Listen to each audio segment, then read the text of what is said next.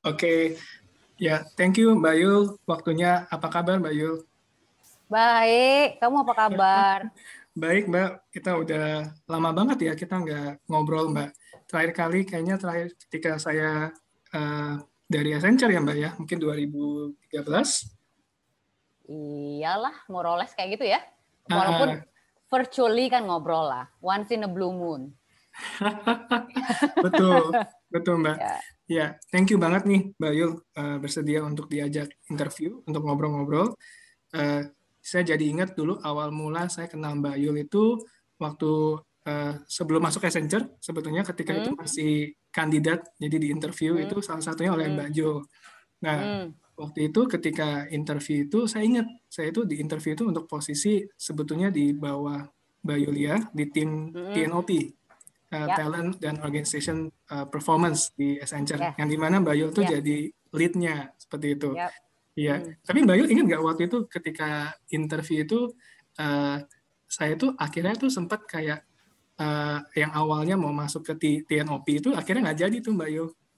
Ya, yeah, then you end up in operation, right? Betul. yeah, yeah. now I remember. Yep. Ya, iya, iya. Ya. Karena ya waktu itu uh, jadi sedikit pengakuan juga nih Mbak Yo. Waktu itu saya hmm. uh, berpikir tuh, oh operations tuh lebih seksi dalam artian, hmm. oh kita bisa uh, project-projectnya itu bisa menghasilkan impact seperti apa dan sebagainya.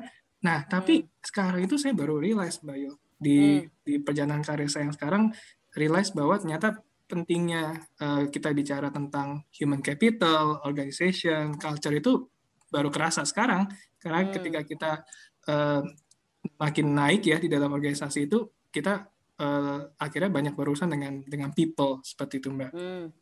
I'm glad you come to that realization. iya iya iya. Yep. Ya. Okay. Nah hari ini Mbak Yu kita mau ngobrol hmm. uh, dan menggali sebetulnya banyak pengalaman Mbak Yulia sebagai profesional hampir lebih dari hmm. 20 tahun uh, khususnya hmm. itu di di bidang human capital. Nah, hari ya. ini aku pengen belajar nih dari Mbak Yulia. Hmm. Uh, mungkin sebelumnya pengen dengar juga pengalaman Mbak Yulia.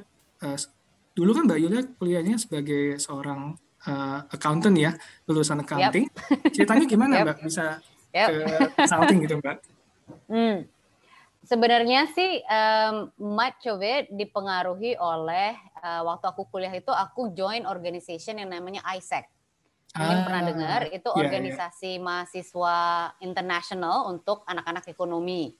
Yeah. Nah dari situ kan jadinya banyak involve di project, um, uh, ngirimin uh, apa namanya internship uh, ke luar negeri atau pas mereka internship di Bandung kan kuliahnya kalau mm -hmm. itu di hmm. Bandung kita yeah. ikut koordinir uh, programnya, eventnya ke terus ke company cari opportunity untuk uh, mau menghost para internship tersebut itu among ah, others gitu kan. Okay. Lalu holding holding and um, um, pas zaman aku itu ada Asia Pacific Conference. Nah itu kebetulan yang holding um, ISEC uh, Bandung. Hmm. Um, jadi ya banyak banyak bermain di project, di program dan lain-lain gitu yang punya deadline ya kan kalau project punya deadline, punya iya. target yeah. dan segala macam. Betul then I I I got more interested into kerjaan yang kayak gitu gitu yang ada hmm. deadline-nya, hmm. dynamic, berubah maksudnya yeah. kalau pakai istilah konsultan kan berubah scope-nya gitu kan, berubah dealing dengan different people gitu kan. Betul. Sementara makin ke ke saat mau lulus hmm. kok kayaknya interest ke accountantnya makin berkurang, berkurang. gitu kan. Yeah. Well, quote unquote just dealing with numbers, hmm. um, following the regulation, needs to be comply and everything. Yeah. Gitu kan. Not saying it's wrong, but hmm. uh, makin berasa bahwa I don't think that's for me, gitu ya.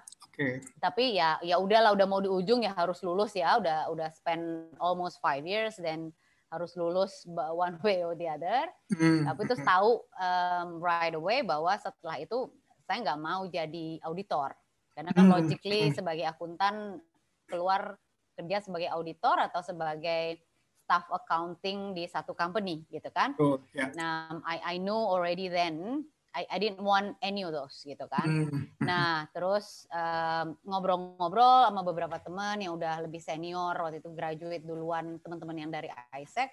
Yeah. Terus got introduced into the consulting work consulting hmm. world gitu kan dengerin dia ceritanya ngapain oh ini sounds interesting sounds like hmm. that's what I'm looking for gitu ya yeah. ya terus ya being a fresh graduate um, I just send um, resumes to all the consultants yang ada consulting yeah. firms yang ada di Indonesia um, among others yang respon Accenture okay. dan Anderson Consulting kan ah, okay. um, dan uh, juga just because of the opportunity then um, mereka uh, grupnya namanya change management jadi waktu oh, itu di, itu di Anderson Consulting itu grupnya ada yang yeah. namanya strategi ya ada grupnya namanya strategi proses teknologi sama change management hmm. nah then I I was insisted that I wanted to join the change management karena itu lebih banyak okay. berhubungan sama orang gitu kan. Mm-hmm. Kalau proses really looking at the process, technology I don't have the background, yeah. strategy juga kayaknya nggak di situ gitu kan. Mm-hmm. Dan um, ya luckily, fortunately um, yeah. diterima masuk grup itu. Terus project pertama itu in in one of the uh, uh, heavy equipment dealers juga, not my current company.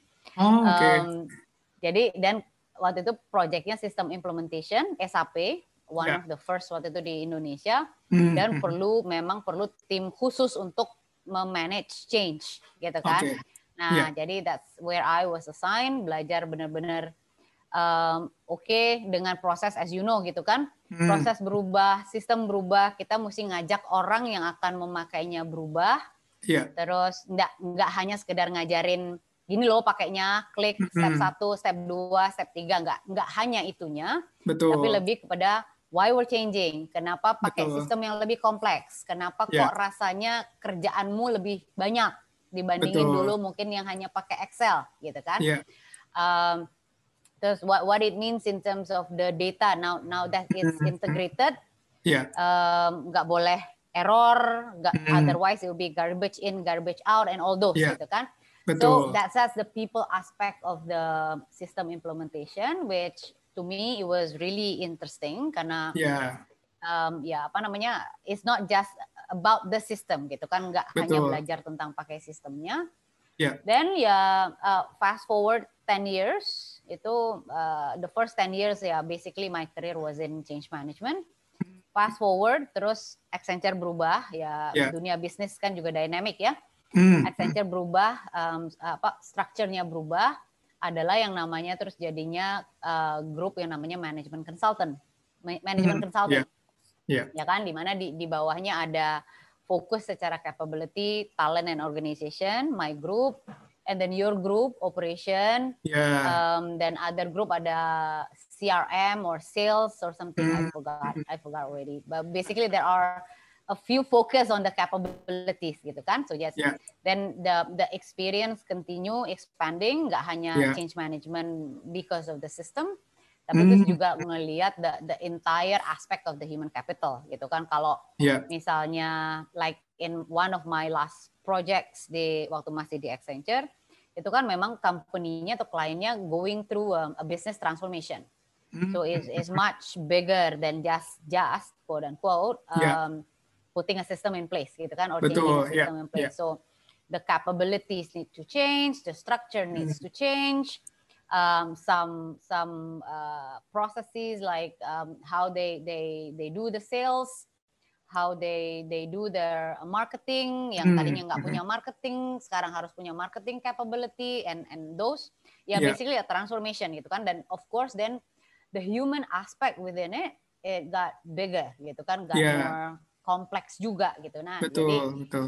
Jadi it, it, it got more interesting for me, redesigning yeah. their structure, redefining their um, culture gitu kan. Mm. Juga culture-nya kan jadinya dengan mereka transform mau lebih jadi customer centric, yeah. juga kan akan berubah gitu kan secara culture, requirement-nya berubah.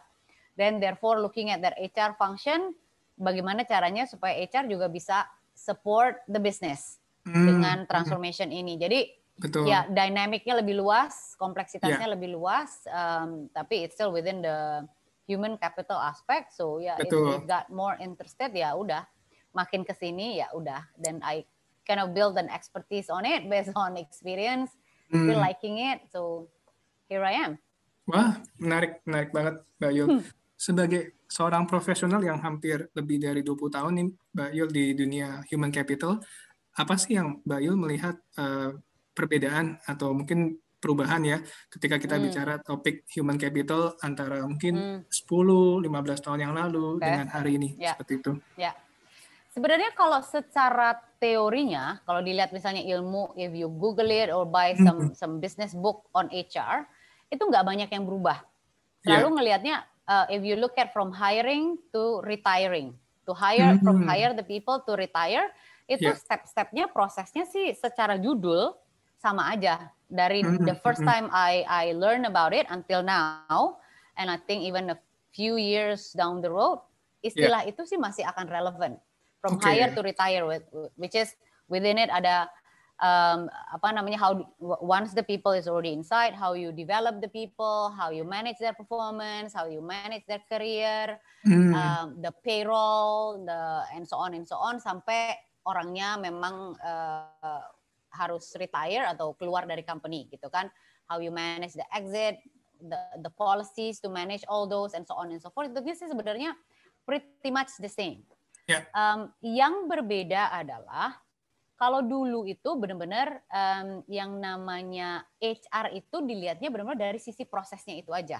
Hmm. Jadi kalau orang HR yang memang berkarirnya yeah. di HR dari awal, ya belajar tentang teorinya rekrutmen itu gimana gimana hmm. interview orang, tools apa yang mau bisa dipakai dan um, hmm. apa namanya uh, abis itu mengoffer mereka mau masukin ke pay grade berapa hmm. dan segala macam ya udah dilihatnya sebagai going through the motion of hiring people.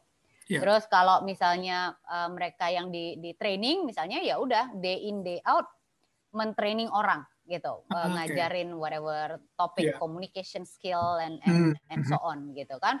Yeah. Um, dan yang di performance management likewise ngejar-ngejar KPI sekali atau dua kali dalam setahun, mm. ngejar-ngejar KPI orang put in a record tick mark gitu kan. Yeah. Jadi benar-benar lebih um, apa namanya inside out uh, perspektif, benar-benar going through the motion of the HR.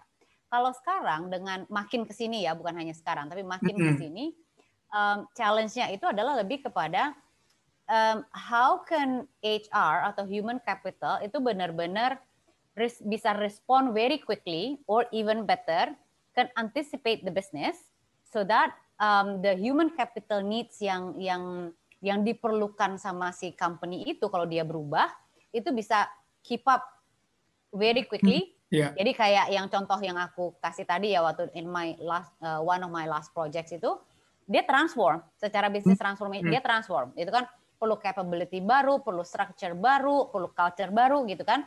Then yeah. from a human capital perspective then how do you anticipate that? Or how how do you hmm. respond to that? Building capability-nya gimana? Building capability as we know nggak nggak bisa overnight. Orang yeah. perlu di training dulu hands on dulu two three years of experience baru they get the hang of it gitu kan? Sementara bisnis butuhnya sekarang gitu. Betul. Um, Terus juga how how do you really relate bahwa you manage the, the performance management of the company or the individual itu memang link ke uh, performance managementnya company. Kan nggak yeah. mungkin yang bisnis lagi down, tapi say 50% of the people um, rating performance-nya uh, high performing or performing or yeah. kayak apa sih istilahnya dulu di Accenture kita yang above exceed, and beyond, yeah. Uh, above and exceed.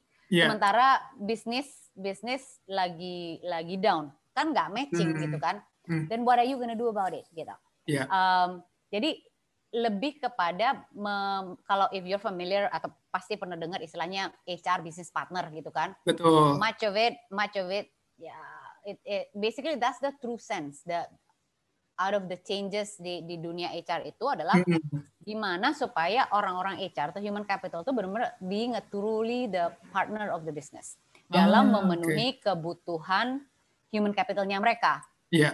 Jadi ya itu tadi memenuhi gimana kompetensinya bisa keep up dengan cepat, performance measurementnya bisa align sama bisnis, hmm. mereward orang-orangnya memang yang high performing you reward um, accordingly. Tapi terus kalau yang nggak perform ya if they need to let go, how do you let them go? Indonesia, yeah. terutama di Indonesia nih ya. Kalau case di Indonesia hmm. kan kita hmm. baik hati ya, company itu banyak yang baik hati dan tidak sombong Tapi uh, to a certain extent, personal opinion, I would see it as sebagai nggak um, mau making a, a hard decision, okay. uh, nggak mau seen as the bad guy, yeah. memecat orang. Uh. Sementara sementara memecat orang itu to a certain extent is required untuk bebersih yeah. darah dari si company tersebut, gitu kan? Yeah. Um, bukan bukan berias ada mungkin orang yang nggak mau kerja bodoh excuse my hmm. my language tapi maksudnya yang emang nggak mau kerja nggak um, sampai aja gitu dia mikirnya gitu kan ada orang yang kayak gitu tapi kan ada juga orang yang sebenarnya dia nggak cocok dengan hmm. role-nya atau tidak yeah. cocok di company tersebut just like when we were consultants right nggak semua Betul. orang cocok jadi consultant ya kan yeah. uh, nah itu ada case-case seperti itu yang mungkin jadi lebih baik ya orangnya dikeluarin aja, di ask to leave hmm. bahasa hmm. lebih ininya ya. Yeah. Supaya it's good for the company, it's also good for the individual. Kalau nggak kan yeah, jadi toxic. Nah, yeah. things like that gitu. Jadi hmm. um, how how human capital to answer your question again, yeah. How human capital can be can really be the partner of the business, hmm. uh, responding to the business need, the requirement faster. Yeah. Um, at least barengan lah atau just one step behind mm. if not hmm. ahead ahead kadang-kadang juga susah karena ya then Betul. the business need to to decide dulu arahnya mereka mau ke mana gitu kan Betul. mau fokusnya mau apa gitu kan targetnya mm. mau hmm. berapa then we translate those oke okay, kalau kayak gitu what does it what does required from human capital jumlahnya berapa mm. capability-nya apa mau hire kah mau develop kah mau apa and so on and so forth Betul. Gitu. Nah, aku ingin sedikit double click Bayul dari poin yang tadi hmm. Bayul sampaikan uh, dari pengalaman Mbak Yulia advising begitu banyak senior eksekutif terkait hmm. dengan topik human capital ini, apalagi yeah. yang menjadi the most important agenda untuk mereka, Yulia? Um, in general sih sebenarnya again those business leaders terutama yang, yang really business leaders ya yang maksudnya yang yang di operation ya bukan yeah. yang memang yang nggak di link langsung not the HR director per se gitu kan for them uh, what's more important kan sebenarnya adalah uh, ya portfolionya mereka jalan, KPI-nya mereka tercapai. Say yeah. chief sales officer for example. At yeah. the end of the day what they care is supaya um, salesnya dia tercapai at the end of the year. Sales hmm. targetnya dia tercapai as an organization, as the whole company. Betul. Uh, terus gimana caranya para salesman-nya dia, timnya dia di bawahnya memang bisa mencapai target yang diberikan kepada mereka. As simple yeah. as that gitu kan. Mm-hmm. To a certain extent they don't care whether this salesman is actually a real salesman or not. Perlu di develop kah? Perlu perlu dipok-pok kah gitu kan? Yeah, Apakah yeah. insentif mereka sudah benar untuk supaya mereka punya rasa lapar tanda kutip untuk ngejar jualan. Kalau sales yeah. kan begitu kan. Betul. Uh, nah yang kayak gitu itu nggak nggak semua misalnya yang mikirin. Then that's where um, apa namanya then from a human capital perspective, given that example, that's where the the HR partnernya dia untuk bisa partnering lah sama dia saying, hey, um, are you having if, if that's your target, are you having the the right number of salesmen? Itu to start okay. itu yang udah paling paling basic gitu kan. Yeah. Then okay, if you have X number, are they all capable salesmen or not? Itu kan mm -hmm. ada assessmentnya mm -hmm. apa segala macam. Yuk kita assess bareng-bareng. Yeah. Kalau ternyata secara number ada 100, kita udah bayar gaji 100 orang, tapi yang capable cuma 80, then your target will not be achieved. Mm. Ya kan? Nah, jadi terus ngajak mereka untuk ngobrol kayak gitu. Terus um, uh, terus at the end juga bilang kok ini yes I have 80 capable people tapi kok juga salesnya nggak nggak tercapai gitu kan? Mm. Are you incentivizing them uh, correctly? Yeah. Bikin mereka lapar enough nggak untuk ngejar mm. ngejar mm. target? gitu yeah. kan. Nah, jadi itu di situ partnering dengan dengan HR-nya gitu. Just giving a, a very simple example. Ya, yeah, likewise of course misalnya kalau chief operation tergantung again apa yang hmm. mereka yang menjadi targetnya mereka atau KPI-nya mereka dan mengajak mereka untuk melihat dari human capital aspeknya supaya target itu bisa tercapai. Yeah. Um, apa yang mesti dilakukan gitu. Hmm, hmm, hmm. Saya juga tertarik dan juga mau tahu uh, point of view dari Mbak Yulia kan kita sering hmm. dengar sekarang itu uh, konsep uh, future of work ya Mbak dengan yep. uh, industri 4.0 dan sebagainya. Yep. Ada juga menciptakan yep. ketakutan di mana oh beberapa jenis pekerjaan itu akan hilang akan atau hilang. di replace yep. dan sebagainya. Yep. Yep. Kalau tanggapan Mbak Yulia seperti apa kalau dari sisi uh, human capital perspektif mm -hmm. dan mungkin yep. ini juga akan uh, berkaitan dengan pertanyaan saya berikutnya terkait dengan skills karena hmm. uh, tadi ada beberapa jenis pekerjaan yang akan hilang jadi Eh, bagaimana kita sebagai mungkin individu harus berpikir tentang skill uh, atau capacity building uh, sehingga hmm. kita bisa tetap relevan seperti itu. Ya. Apakah kita uh, untuk STEM uh, major itu mungkin nggak perlu karena itu nanti akan digantikan oleh AI dan machine. Uh, yep. Semuanya itu harus going to liberal art school misalkan. Yeah, kalau, yeah. point of view Mbak Yul gimana? Um, to me, actually, the future is already here. Mm. Um, karena uh, if you define the future, um, itu seakan-akan, okay, the future is in the future. Yeah. It's not and here yet. years ago. Yeah. Uh, then well, it's, it's yeah. not here yet. Yeah. yeah. So it's, it's still ahead. Yeah. So um, sementara all these changes are happening overnight all this um, customization, being agile dan segala macam, all this um, apa namanya penyesuaian yang harus kita lakukan ini udah udah makanan sehari-hari gitu kan. Hmm. Jadi um, I would rather, at least personally, I would not rather uh, apa ya title it sebagai the future of work because the future is hmm. already here. The the the, yeah. the change is already here is it because industry 4.0 or 5.0 or, or yeah. whatever in a way is just a title because yeah. industry 4.0 is already here right mm. so one way or the other is already all these changes is already here then yeah. makanya jadinya lebih kepada kalau untuk human capital dan that's why we have to keep up with it juga very quickly of course dan mm. salah satu ininya kan ke capability building gitu kan karena yeah. um, building capability itu kayak kita bahas tadi, it can't be overnight. Lu nggak bisa expect satu yeah. orang pergi training sekarang insehat lah ambil eksekutif training tiga bulan pulang-pulang terus jadi pinter bisa langsung implement semua yang dia pelajari ke kerjaannya enggak lah gitu kan yeah. experience also matters gitu maksudnya jatuh bangunnya itu juga yang akan uh, membangun seseorang gitu kan jadi um, apa namanya emang mesti um, the gradual changes ini mesti continuously happening. Um, dan if I see it, but again, it, it goes back to the maturity of each of the companies and the industries. Yeah. Um, like where I am now, uh, it's pretty much this, this conventional business. Um, apakah harus keep up like the companies like Google? No, hmm. uh, nggak uh, perlu sampai ke sana. Yeah. Tapi apakah terus jadinya saya misalnya if one of the changes we need to be relying on data much more. Definitely yes. We need okay. to have an analytics capability so that we can make a, a better and faster decision. Definitely yes. Gitu yeah. kan as much as the business is conventional. Quote unquote is just selling heavy yeah. equipment. That's it, right? Um, yeah. Dari 50 tahun yang lalu bisnisnya itu gitu kan. Dan providing the after sales service after it gitu kan.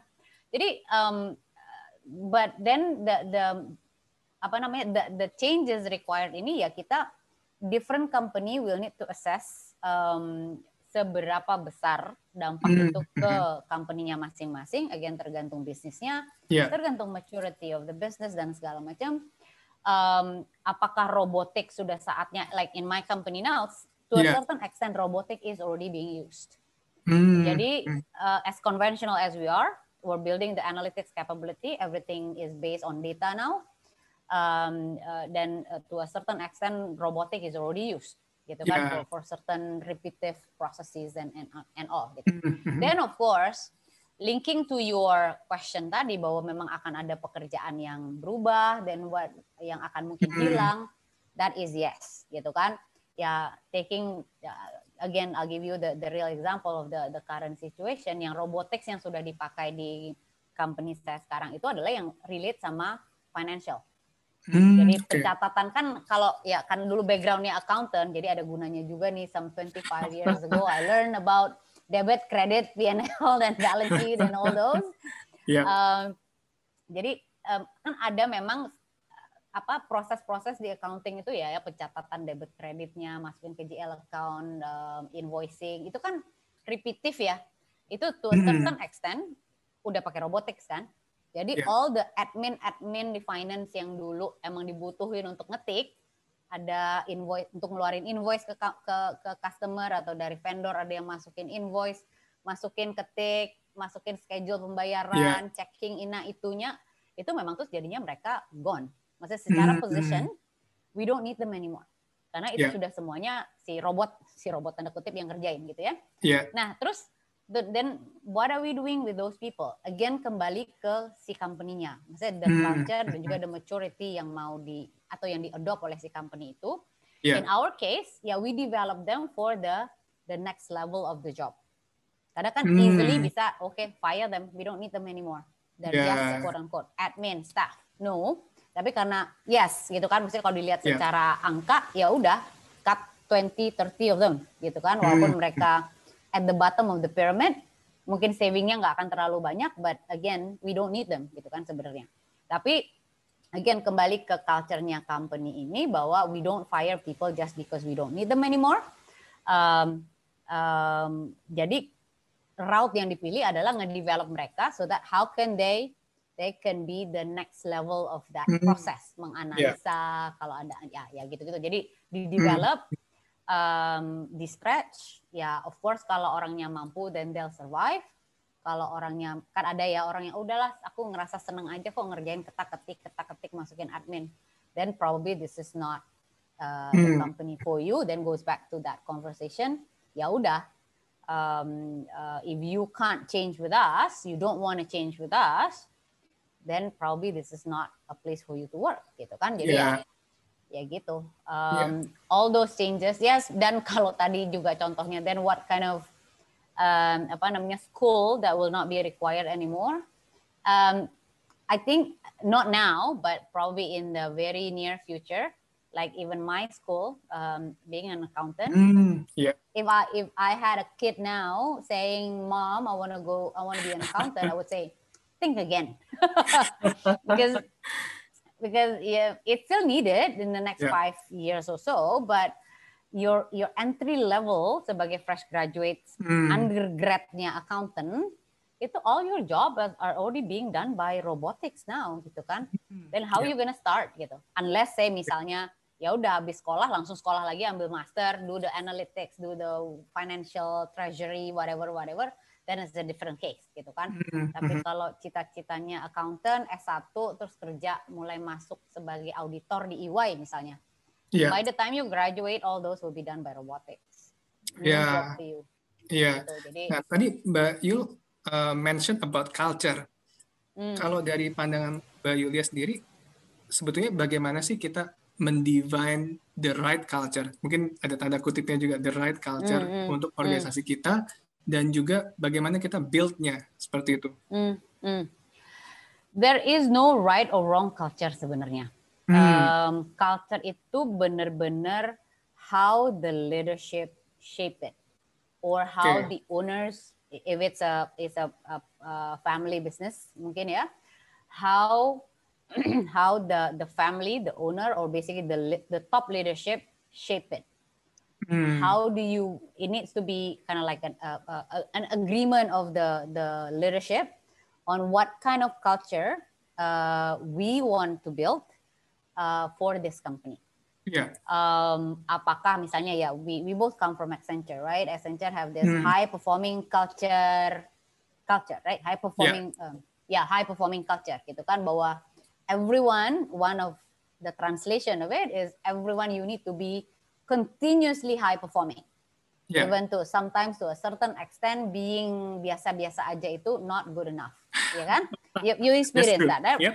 That that we are pushed uh, con continuously pushed to perform above and beyond dan compete hmm. with others who are also performing above and beyond. Gitu kan di atas langit ada langit lagi ada langit lagi yeah. gitu kan. Nah, but that's how Accenture shape its culture, ya kan? Terus ada juga other company yang, um, say another example, a family business, karena it started with a family business, that everyone is a family.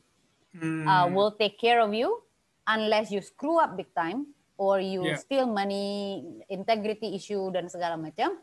If your performance is just so-so, it's okay. As long as you're okay to to do whatever you're doing for for the 20 years of your um, uh, tenure yeah we'll take care of you you mm. will stay there gaji mungkin ya secara kola aja naik gitu ya mm. um, bonus uh, kalau company perform bagus you get a, a certain amount of bonus if you're not complaining about it gitu kan then um, that's the the the apa namanya together togetherness culture yeah. yang mau di develop oleh si company itu. Tapi that needs to again now it's given experience culture itu kan memang kalau secara teori kan broad banget ya dan very mm-hmm. gray mm-hmm. banget gitu kan you can't yeah. you, can't put your finger on it tapi memang then um, um, um, I'm more and more given the experience I'm more and more um, a, a believer now that culture itu benar-benar harus something yang top down mm-hmm. yang jadi the the top leadersnya yeah. uh, agree what kind of culture we want to shape, we want to define,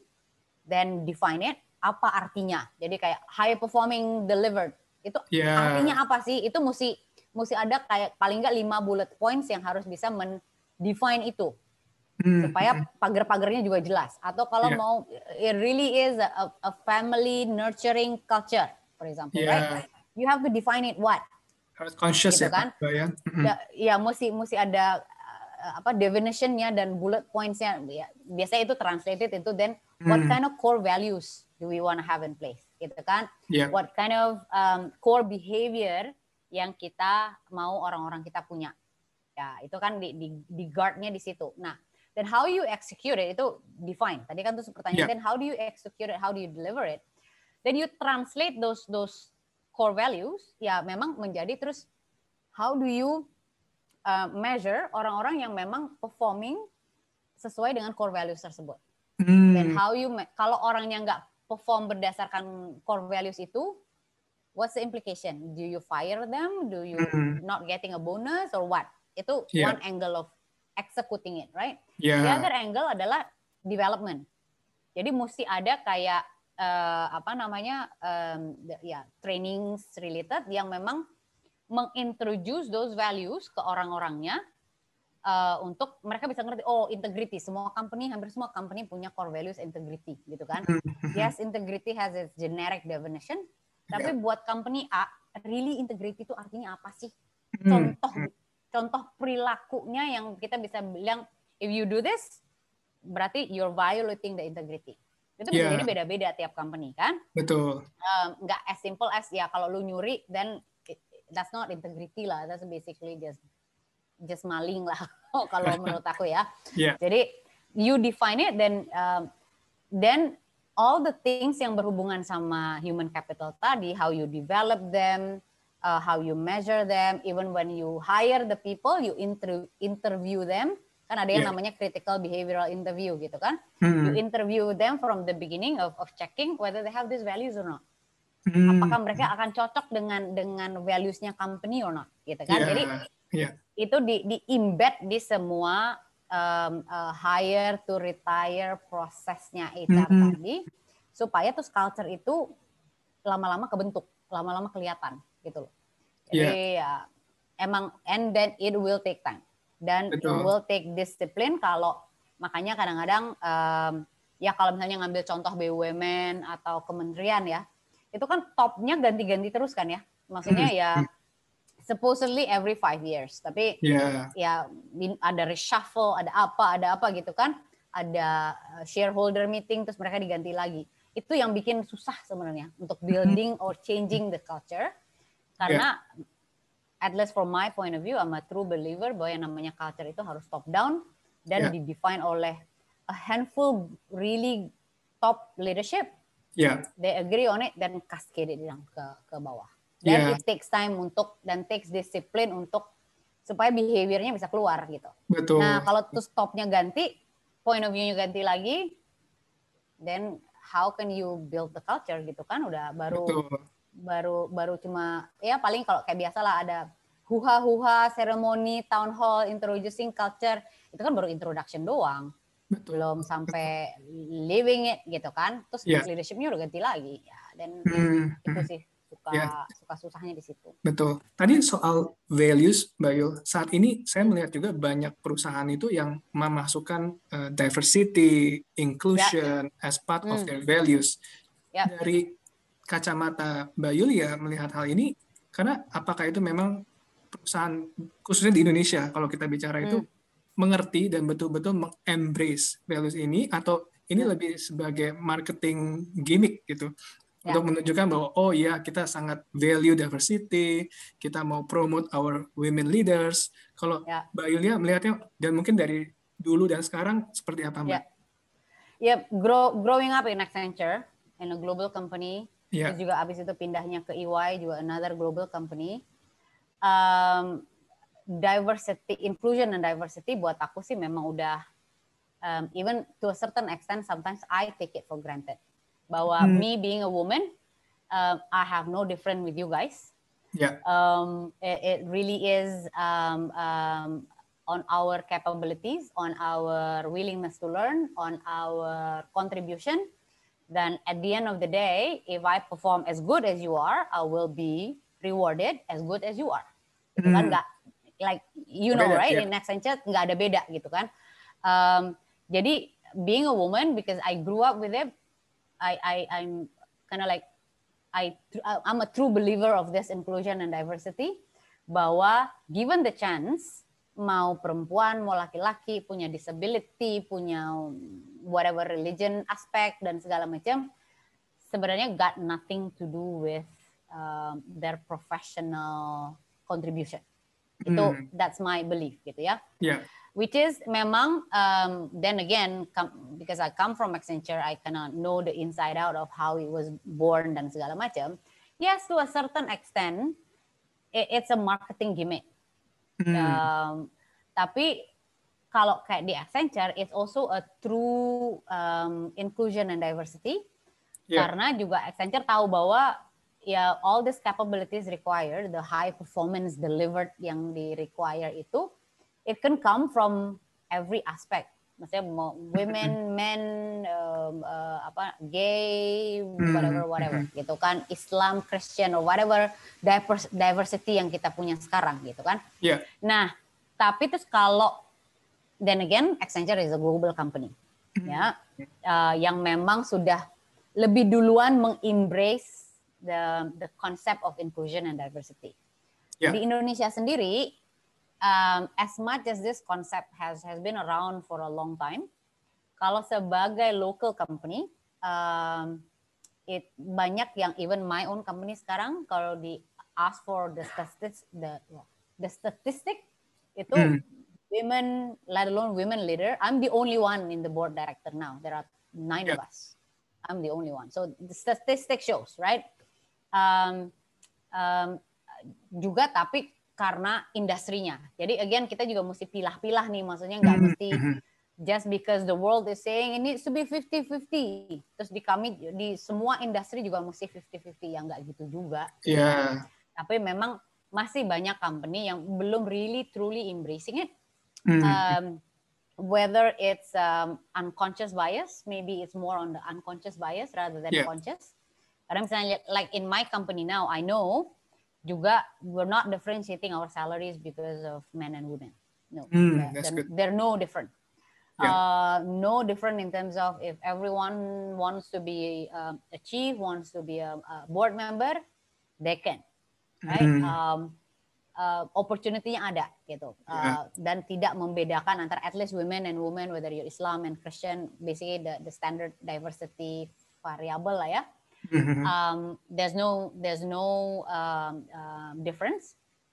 Tapi again ya kembali ke uh, industrinya karena memang industri alat berat gitu kan ya itu memang ya I'm a woman kalau disuruh angkat-angkat barang berat juga kayaknya gue males gitu ya.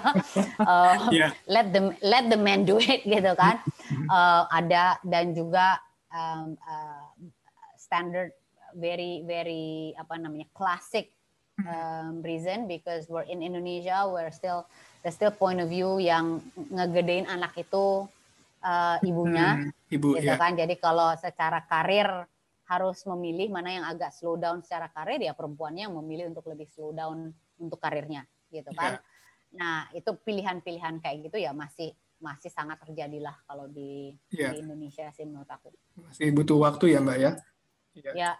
yeah. dan ya itu kan juga tergantung dari environmentnya dari uh, apa namanya uh, ya again satu maturity maturity of the business the type of the industry yeah. the maturity maturity of the infrastructure ya kayak misalnya terus orang kan semua ngeliat kayak di Finland atau di pokoknya uh, negara Nordik kan yang paternity sama lamanya sama maternity, maternity. leave ya kan yeah. terus juga uh, no no different secara karir uh, yang apa namanya perempuan yang mau take leave dulu versus men juga enggak itu kan tapi itu itu juga those Nordic companies to hmm. my point of view bisa melakukan itu karena juga infrastruktur negaranya juga udah lebih siap secara ya. pendid secara hmm. pendidikan secara yeah. apa namanya uh, ekonomi dan segala macam juga sudah lebih mature yeah. dan only a handful of them ya kalau terus oh kita harus bisa kayak Finland ya di hmm. Finland cuma ada 10 juta orang not even not yeah. even half of Jakarta gitu kan. Yeah. It is easier to manage gitu kan. Nah, ya kayak gitu-gitunya.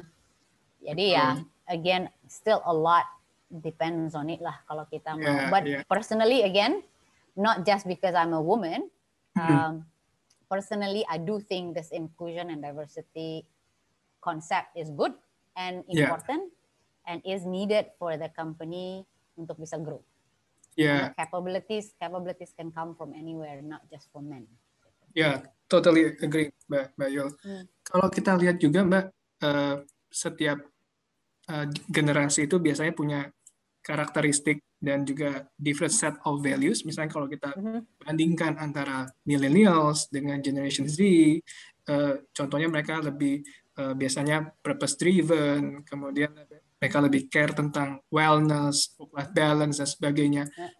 Bagaimana posisi atau apa respon yang sebaiknya dilakukan oleh perusahaan, Mbak Yulia? Hmm. Ya, saya hmm. membayangkan Mbak Yulia sekarang di perusahaan alat berat. Yep. Uh, yep. Bagaimana supaya bisa tetap uh, menjaga kekinian kalau mungkin bahasanya yep. saat ini, Mbak? Which is that there is a very true case at the moment. 58% mm. of of my employees or our employees are millennials. Yeah Um, then um, out of which karena kita ya again di heavy equipment ya, uh, much of them are the the uh, the the technician, jadi the serviceman yang ke lapangan gitu, mm-hmm. yang secara education ya lulusan SMK, lulusan D3 paling tingginya, okay, okay. ada yeah. yang S1 dan segala macam, tapi yang benar-benar the frontliner of the mechanics, the technician, really the the frontlinersnya itu dari lulusan SMK dan D3 alat berat hmm. gitu kan. Oke. Okay. You can imagine how how young they are. They're not even 20 probably umurnya wow. sekarang. I feel so. Jadi ya udah, udah ya well you are. Don't ask me, but you are. Yeah. um, then how can we? Then definitely company needs to um, adjust juga yeah. um, harus juga kekinian gitu ya mm. ya one one example um, misalnya juga how to because because they're purpose driven mereka mereka semuanya pengen cepet gitu kan yeah. as mungkin ya for that level mereka nggak yang berpikiran bahwa oh I want to be director in 10 years kalau di Accenture kan anak-anaknya gitu kan karena graduatesnya just like you from USC Kellogg or whatever in 10 yeah. years in 10 years they want to be MD. I was like, hmm. hello, gitu kan, yeah. at that time. But yeah. then, um, of course, this, this generation karena punya similarity of that purpose driven, mau cepet apa segala yeah. macam, ya memang company-nya juga harus berubah. Maksudnya adjust to a certain extent that possible. Just yeah. I'll give you example in my company gitu kan. Kan mereka kalau sebagai technician itu ada certain kompetensi atau capability yang mereka harus earn supaya mm-hmm. waktu pergi troubleshooting di di customer yeah. itu ada yang bisa cuma troubleshooting uh, roda, ada yang cuma mungkin troubleshooting ganti mm-hmm. oli, ada itu until at the end of the day, whenever that that that that year might be, they can be the expert in troubleshooting any case. They can troubleshoot it. Yeah. Kan mereka mesti collect kayak ya collect the kompetensi sebenarnya istilah istilah hmm. generiknya tapi collect the point gitu kan. Yeah. Yang kalau zaman dulu itu tuh benar-benar you can you can um, only karena kalau untuk collect the points itu kan mereka harus kembali ke ruang training as much as kayak sekarang udah digital lah ya semuanya udah, yeah. udah online gitu ya. Kalau zaman dulu kan harus kembali ke kelas, belajar dulu, get the certificate, uh, dites lagi, certified dulu, baru balik lagi ke lapangan. Betul. Dan itu perlu diatur, misalnya kan nggak bisa mereka terus menerus ada di di kelas kan, kapan kerjanya, yeah. kapan make money-nya gitu kan. Mm-hmm. Nah sekarang ya again um, dengan with the help of technology dan segala macam bahwa learningnya bisa bisa online bisa they can take it any anytime they like even certificationnya can only can also be done virtually gitu kan oh nice itu, jadi jadi we also expedite basically kalau yang dulu diatur lu cuma boleh ambil x number of kompetensi dalam setahun mm. kalau sekarang tuh in a way ada flexibility-nya yeah. kayak you you mau cepet uh, selama kerjaan nggak pokoknya yang sama yang utama kan ke klien ya uh, their hours is just like consultant zaman dulu yeah. karena the more the, the more productive they are the more chargeable they are the more yeah. money the company will make right hmm. as long as itunya met that that target is met mau belajar apalagi anak-anak zaman sekarang milenial yeah. um, mau belajar kapan pun itu kan nggak jam kerja 8 sampai 5 itu udah nggak matters kan ya yeah. um, Uh, jadi basic as long as bisa ngatur waktu apa segala macam, go ahead, take the training. Yeah. Uh, you you manage your own capacity. Jangan sampai lu ngantuk besok waktu harus ke klien, harus ke customer. Jangan sampai uh, ketiban baut apa segala macam jadi mm-hmm. safety mm-hmm. recordnya tinted dan so on and so forth gitu. Tapi basically yeah. that flexibility is yours. Dan juga yeah. karena sekarang kita juga udah gradually pakai LMS dan segala macam certain cases they can they can take it online pakai mm. semua orang udah pakai mobile udah pakai smartphone anyway sekarang gitu yeah. kan you can take it from there then you can collect the point at your speed yeah. nah itu kan satu satu bagian di mana adjustment yang dilakukan oleh company untuk kalau emang lu mau cepet mm. you you can do it. Go ahead. The means yeah. is there gitu kan? You wanna slow down? Oke okay. Uh, yang hmm. penting minimum requirement a year itu aja yang you you meet gitu kan? Yeah, then so so that flexibility is there. Terus juga misalnya like the millennials now again another example. They like talking to us surprisingly to me zaman zaman aku kecil dulu itu deg-degan kalau dipanggil Sungkan. sama Julianto yeah. dipanggil sama Utoyo zaman dulu yeah. you know the names the senior names that we all know yeah. itu deg-degan kalau bisa sembunyi nggak usah ketemu mereka dalam sehari tuh lebih baik kayaknya gitu kan tapi anak zaman sekarang kan enggak yeah. they like talking to you they like to come to you uh, ada whatever topic gitu kan then we give we give them that opportunity gitu mm. itu jadinya another example the, the good thing about this covid thing that yeah. is a good thing about it with the uh, work from home more on ya kayak kita sekarang lah ya uh, virtually meet mm. secara timing mm. kan juga lebih lebih fleksibel. Flexible, yeah. um, I I'm in Jakarta, this technician is in Sangatta somewhere, we can just mm. meet here, gitu kan? Yeah. So itu itu juga buat buat mereka they value that, um, yeah. dan we we we give them the means for it. Betul. Jadi ya that that's also again another example of company how how the company needs to also adjust gitu. Betul. Jadi ya. Yeah. Ya gitu Dan sih. yang saya juga observe Mbak, Mbak Yul, kalau ciri dari milenial itu atau generation Z itu adalah uh, nggak sabaran. Jadi sekarang hmm. ini kalau hmm. yang saya observe dari uh, my peers atau yang di bawah saya itu adalah uh, ada this hustling culture gitu kayak yep. Yep. Uh, kayak seems like uh, you have to hustle like 24/7 gitu. Tapi akhirnya berujung kepada banyak juga yang saya tahu juga burnout karena yep. karena hal itu. Yep. Uh, nah, saya tahu Mbak Yulia kan mungkin dua tiga tahun yang lalu uh, took sabbatical. Nah, yep. saya penasaran sih Mbak Yul, kalau boleh sedikit cerita waktu itu yep. uh, how's the experience? It was really good. I I want to do it again. ya itu sih memang um, that was 20 end of 2018 to end end of 2019 kalau nggak salah. Hmm. Um, when I took that sabbatical uh, ya memang udah at the point of I, I was just I, I was just tired gitu kan. Yeah, yeah. Um, um, some so 2018 that means 22 years in consulting. That wow. gitu kan. Jadi um, jadi terus ya udah capek. It, maksudnya pace you know how it is right? Yeah. Pace-nya cepet terus apa segala macam. Gitu. Demanding job ya. Dan terus ya udahlah um, uh, capek gitu kan. Ya udah then then I, I decided to not doing anything, not benar-benar nggak ya definitely nggak nyari kerjaan baru apa segala macam. Mm -hmm. just okay financially okay for next year? Yes oke okay, I'm good gitu kan? Jadi terus um, um, ya udah benar-benar no plan no nothing and you know as well I love to travel. So uh, I I did quite a bit of catch up in terms of my travel. I travel quite a bit in in 2019 yeah. waktu itu belum covid ya Yeah. Jadi ya benar-benar any opportunity to travel domestic, overseas. My husband went on a business trip. I I raised my hand saying I want to tag along. um, uh, buy me the ticket. I just sleep. Mm.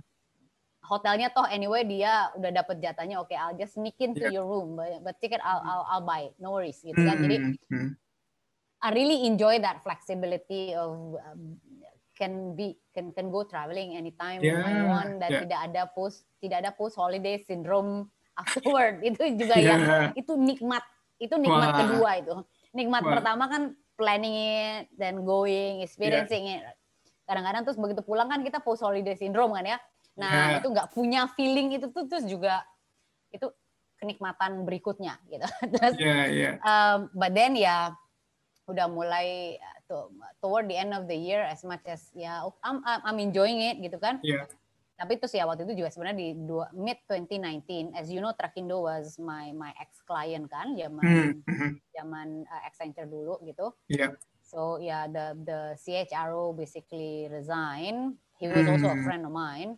Mm. Um, dan ya the the the owner the presidir kan juga already know me from 10 years ago kan dari zaman project yeah. itu kan jadi then then yeah we we got into talking and saying hey but at, at that time I was like no I don't want to go it was only half year right? Mm-hmm. I said no I don't want to go to work yet. Um, I'm yeah. I'm not ready yet. I'm I'm still tired. Kan? Mm-hmm. um, uh, but I can help. Ya kan traveling juga kan nggak tiap hari gitu kan. I can yeah. help on a part time basis. What help do you need me to do gitu kan? Mm. jadi ya waktu itu organizationnya lagi restructuring udah mulai restructuring lagi. Ya maksudnya oke. okay is there a team working on it I can be their advisor gitu kan jadi they hmm. have someone to go to checkpoint dan segala macam but I don't make decision um, all the detail your the team has to do it gitu kan so yeah. so then they agreed um, yeah for at least for six months or so uh, was doing that um, jadi ya a good in a way a good um, killing time between mm-hmm. my hmm. travel mm-hmm. paling enggak otaknya juga nggak rasti-rasti amat gitu kan nggak yeah. uh, tetap mikirin things anyway I I like what I'm doing maksudnya yeah. all this human capital thing organization dan segala macam I'm, I'm loving it gitu kan yeah. jadi um, um, so it was it was a good combination in a way mm-hmm, mm-hmm. um, but then then um, toward the end of 2019 uh, the owner or the president was saying are you done yet with your travel um, karena waktu itu juga beberapa Pak ini ini ada beberapa resume um, hmm. friends or uh, basically team I know in in the HR space gitu kan. Yeah. Tapi terus nggak di interview interview aja sama dia. Aku pas ngeliat ini ini what is he doing? Don't he doesn't he want to replace this role karena this is important gitu kan? Hmm. Tapi ya I was just an advisor. Then I I was like okay I'm I'm I'm doing my things. I'm enjoying my life. Ya udahlah gitu kan ya ternyata seems like he was waiting um, at the end of the year. So like, you done yet? Um, where's your resume? Um, yeah. Can you start in January? No interview, no nothing. Wow. I was like, ya oke okay lah pak. Um, karena terus aku juga ada mikir iyalah um, enough. Maksudnya too much of a good thing will kill me as well, gitu kan? um, ya udah deh balik then it will be interesting because this will be my first full time in operation kan the other side of the coin gitu yeah, selama yeah. ini kan consulting consulting terus kan. Betul. Um, I know there are things that I'm I'm not familiar with, not comfortable, but learning the rope in the environment that I'm familiar with and they also familiar with me kan akan lebih lebih gampang harusnya gitu kan. Mm-hmm.